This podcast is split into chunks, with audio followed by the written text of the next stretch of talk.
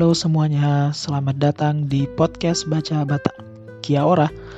Nah, sekarang kita akan melanjutkan pembahasan kita sebelumnya mengenai tokoh. Tapi untuk episode kedua kali ini kita akan fokus ke pertanyaan-pertanyaan yang sering dilontarkan terkait bagaimana sih kita, bagaimana sih seorang penulis atau cerpenis membuat tokohnya. Um, ada sebuah pertanyaan yang yang uh, mungkin um, sangat penting. Kita langsung saja. Uh, pertama, sering uh, ada banyak orang yang menanyakan mengenai bagaimana menciptakan lakon yang kuat dalam cerpen.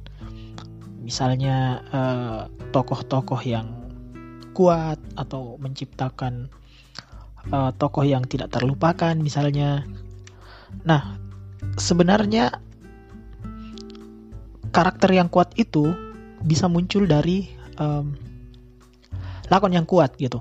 Lakon yang kuat berarti cerpen itu punya ide cerita yang kuat dan tidak sembarangan. Nah, kekuatan karakter tokoh itu biasanya berbanding lurus dengan kuat atau bagus tidaknya ide yang kita buat. Nah, teman-teman jangan harap karakternya kuat kalau ide yang teman-teman tuliskan dalam cerpen itu masih seputar permenye-menyean dunia. Gitu permenye-menyean duniawi. Maksudnya permenye-menyean dunia remaja begitu tanpa ada sesuatu yang baru atau fresh. Ya soalnya kan kisah cinta remaja itu sudah sudah banyak lah gitu. Maksudnya dari kisah-kisah fiksi ala tinlit lah tulisan-tulisan anak baru gede misalnya anak-anak SMA itu kan sudah banyak sekali tuh yang bahas hal yang seperti itu. Nah kalau misalnya ide kita tidak bagus, maka bisa jadi karakter kita pun tidak bagus gitu. Uh, contoh misalnya kayak gini kan, uh, novelnya PD Baik misalnya yang Dilan, misalnya kita ambil contoh novel. Kenapa dia bisa dikategorikan bagus? Karena meskipun membawa percintaan remaja, tapi ada ada hal yang baru di situ. Misalnya gombalan-gombalannya dan apalah gitu kan. Nah kayak gitu loh maksudnya. Jadi jangan pernah mengharapkan uh, karakter yang kuat kalau misalnya ide kita tidak tidak tidak kuat gitu. Nah untuk untuk menguji hal ini sebenarnya kita atau teman-teman bisa membuat cerpen yang idenya itu out of the box gitu. Nah uh, misalnya misalnya ide tentang uh, kita bahas sejarah misalnya. Itu kan sejarah. Banyak hal yang bisa kita tuliskan dari sejarah gitu. Banyak sekarang uh, cerpenis yang mengangkat tema-tema sejarah atau tema-tema budaya misalnya yang ya apalagi Indonesia gitu loh. Dari Sabang sampai Merauke bahkan dalam satu pulau pun itu budayanya bisa beda-beda. Nah ini bisa kita jadikan ide. Dan saran saya uh, proses pencarian ide ini itu harus didukung dengan uh, membuat kerangka tulisan. Nah, di dalam kerangka tulisan itu kita bisa membuat profil tokoh misalnya dan bagaimana perannya dalam cerpen tersebut. Misalnya kita bikin cerpen tentang um, apa sejarah kota Bekasi misalnya atau sejarah kota Malang misalnya. Nah, kita ada satu karakter misalnya settingnya tahun 1940 misalnya gitu. Ini butuh riset sih tapi ini contoh saja. Nah, di situ kita di kerangka tulisan itu kita tulis ide, terus kita tuliskan uh, siapa sih tokohnya, misalnya namanya kah, usianya kah. Nah, kalau perlu kita bikin uh, profil profil singkat lah kayak gitu tinggi tinggi kayaknya nggak perlu ya kayak hal-hal yang ya kayak gitulah profil-profil tokoh itu. Dan yang paling penting sebenarnya apa sih perannya dia di dalam cerpen itu? Nah itu kira-kira itu pertanyaan pertama yang sering ditanyakan. Pertanyaan kedua juga ada yang sering menanyakan mengenai uh, bagaimana mendapatkan karakter tokoh yang unik dan tidak biasa gitu.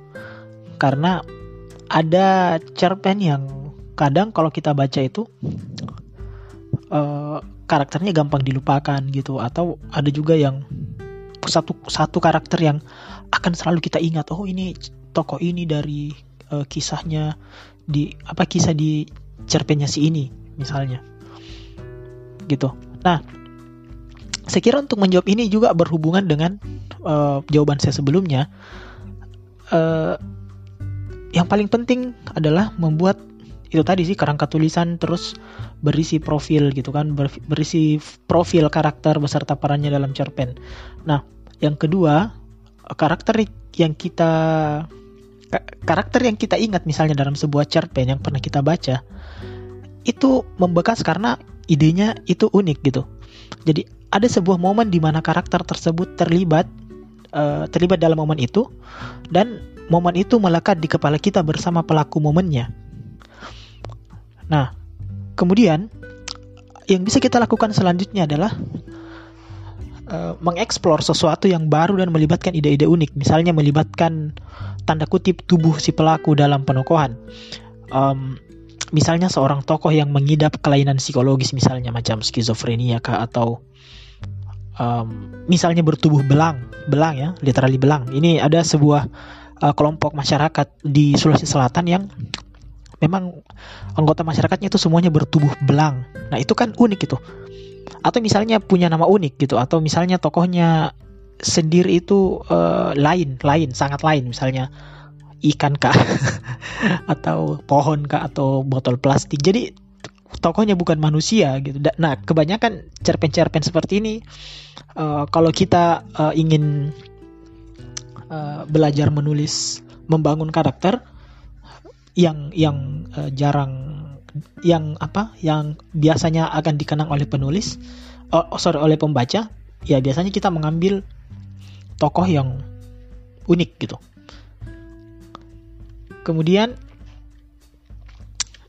ada juga pertanyaan tentang um, sudut pandang gitu.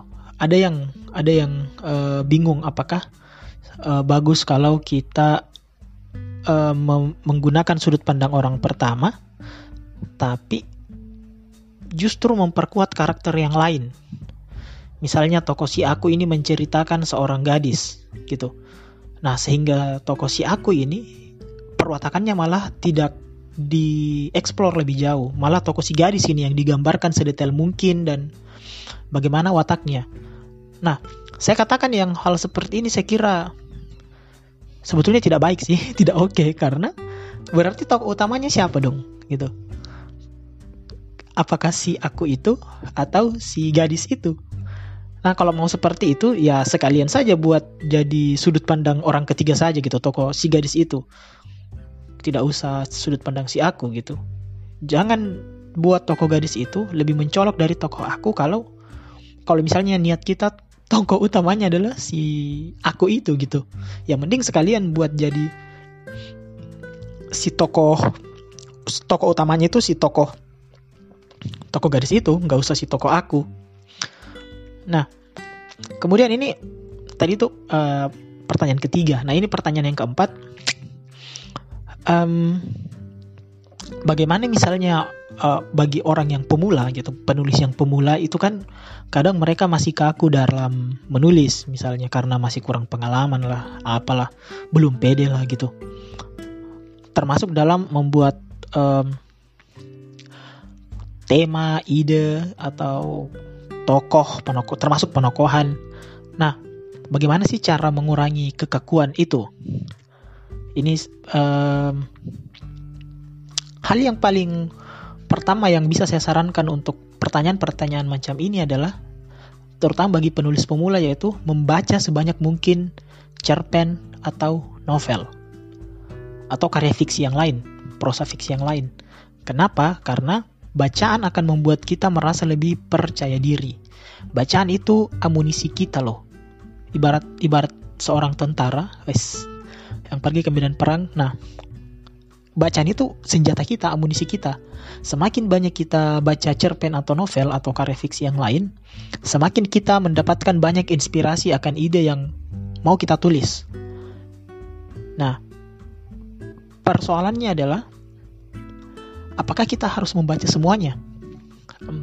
Sebagai penulis, sebagai um, penulis pemula, saya kira mungkin kita perlu membaca semuanya, tapi ada tapinya loh yang kita baca adalah karya yang bagus saja. Karya yang bagus saja.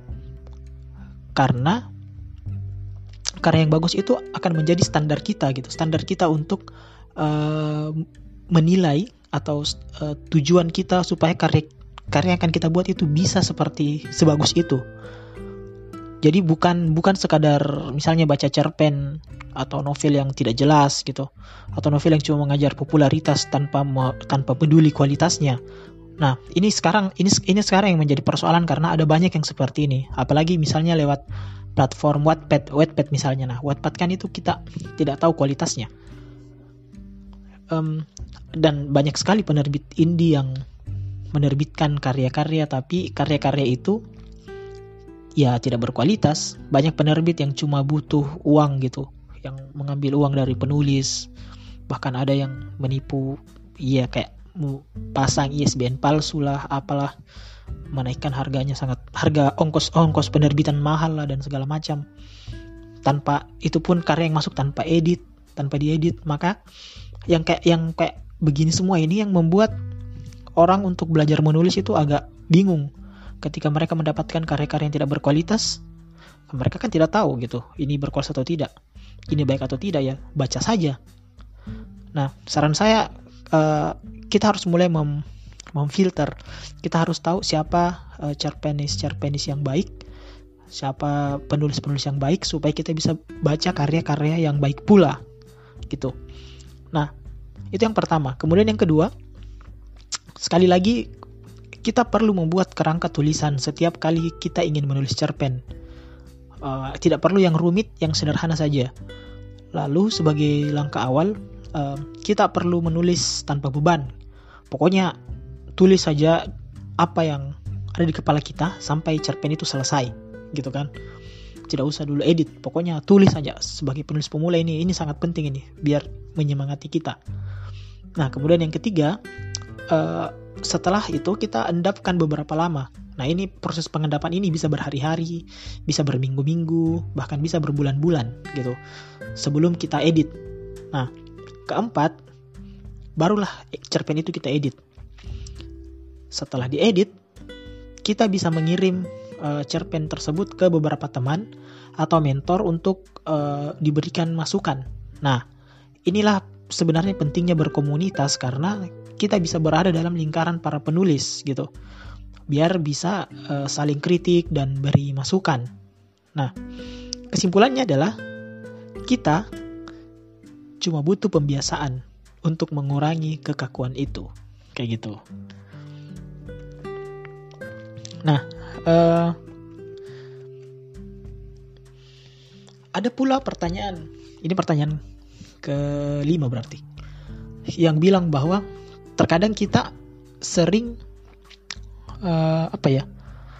membaca proses membaca itu berlangsung bersamaan dengan proses menulis. Artinya kita membaca, misalnya kita membaca novel atau kumpulan cerpen, tapi dalam proses pembacaan itu kita juga uh, sekaligus menulis gitu. Nah, bagaimana? Bagaimana dengan hal itu kan? Kalau kalau menurut saya sih uh, sebaiknya tidak karena kita perlu fokus membaca dan kita perlu fokus untuk menulis. Nah, jangan jangan melakukan membaca dan menulis itu bersamaan. Nah, biasanya itu ada waktu khusus ketika kita membaca dan dan sisihkan waktu khusus untuk kita menulis. Jangan kita gabung. Kenapa? Supaya kita bisa fokus gitu. Kalau idenya misalnya uh, mengalir pas membaca sesuatu, nah hampir bisa dipastikan tulisan kita itu akan sangat mirip dengan apa yang sedang kita baca saat itu. Nah, meskipun ini memang tidak bisa kita pungkiri gitu, pengaruh bacaan itu kan kuat bagi tulisan dan hal itu wajar. Hanya saja membaca sekaligus menulis membuat pengaruh itu jadi berdampak lebih buruk gitu maksudnya. Karena bisa jadi kita sangat-sangat terbawa dengan apa yang kita baca dan akhirnya tulisan kita itu malah jadi terlalu identik dengan apa yang kita baca itu. Nah, sebenarnya ini poin yang menarik karena saya saya pun sempat belajar uh, apa belajar menulis cerpen itu dengan menggunakan teknik ATM namanya, ambil tiru modifikasi. Nah ini uh, saya belajar teknik ini di uh, pas aktif di FLP Bandung waktu itu. Jadi kita membaca satu cerpen, terus kita mencoba mengikuti gaya penulisan cerpen itu. Tapi ini bagi penulis pemula saja gitu, biar kita bisa mengeksplor gaya penulisan saja sih maksudnya. Tapi uh, semakin semakin uh, tinggi jam terbang kita membaca maka maka uh, semakin tinggi pula uh, kemampuan kita dalam menulis. Nah, kemudian ini pertanyaan yang uh, itu tadi kan pertanyaan kelima nih ini pertanyaan yang keenam tentang bagaimana merawat ide. Yes. Um, nah, sebenarnya uh, ide kan itu kita kita akan uh, membahas ide ini di kesempatan yang lain di uh, podcast episode beberapa episode selanjutnya. Uh, yang bisa saya bilang mengenai merawat ide adalah bahwa ide itu bukan cuma dari bacaan sebenarnya ide itu ada di mana-mana. Kita bisa ambil ide dari film, kah dari drama Korea, dari anime, dari lagu, curhatannya orang, pengalaman pribadi, semuanya itu bisa jadi ide. Nah, bukan cuma dari situ gitu loh. Kemudian, um, kalau misalnya dari bacaan, ya kita bisa ambil beberapa elemen dari hasil bacaan kita. Terus elemen-elemen uh, itu kemudian kita gabung dan dengan berbagai macam proses kreatif kita bisa sulap hal itu menjadi ide yang menarik gitu. Nah, misalnya uh, cerpennya Faisal Odang tentang sejarah zaman pendudukan Jepang misalnya. Nah, di situ kan kalau saya lupa apa judulnya uh, terbit di Kompas uh, dari cerpen itu akhirnya kita tahu, oh kita bisa menuliskan sejarah loh, sejarah zaman Jepang. Nah, kemudian kita ambil kisah lain, misalnya uh, tapi tapi masih dalam konteks zaman Jepang itu. Nah, dari mana kita belajar itu ya dari cerpennya Faisal tadi bahwa oh ternyata kita bisa menuliskan sejarah tentang zaman Jepang. Nah, kita ambillah sisi yang berbeda misalnya bagaimana tentara Belanda yang terusir, uh, bagaimana para pribumi dilatih menjadi tentara Jepang misalnya dan lain-lain. Ya. Kemudian saya kira uh, itu dulu karena ini sudah lewat berapa menit? Oh, sudah hampir 20 menit ternyata. yang mau saya bilang adalah um, itu tadi beberapa pertanyaan pertanyaan yang uh, sempat terlontar mengenai bagaimana sih dan ini pertanyaan yang sering gitu, sering kita dengarkan. Jadi saya saya putus saya uh, putuskan untuk buat menjadi episode kedua karena menyambung dengan podcast saya sebelumnya. Podcast episode sebelumnya. Oke, saya kira demikian podcast episode ketiga hari ini. Stay tune untuk episode keempat. Eh, ke eh kedua ding ya episode kedua stay tune untuk episode ketiga besok insya Allah oke sampai jumpa kia kaha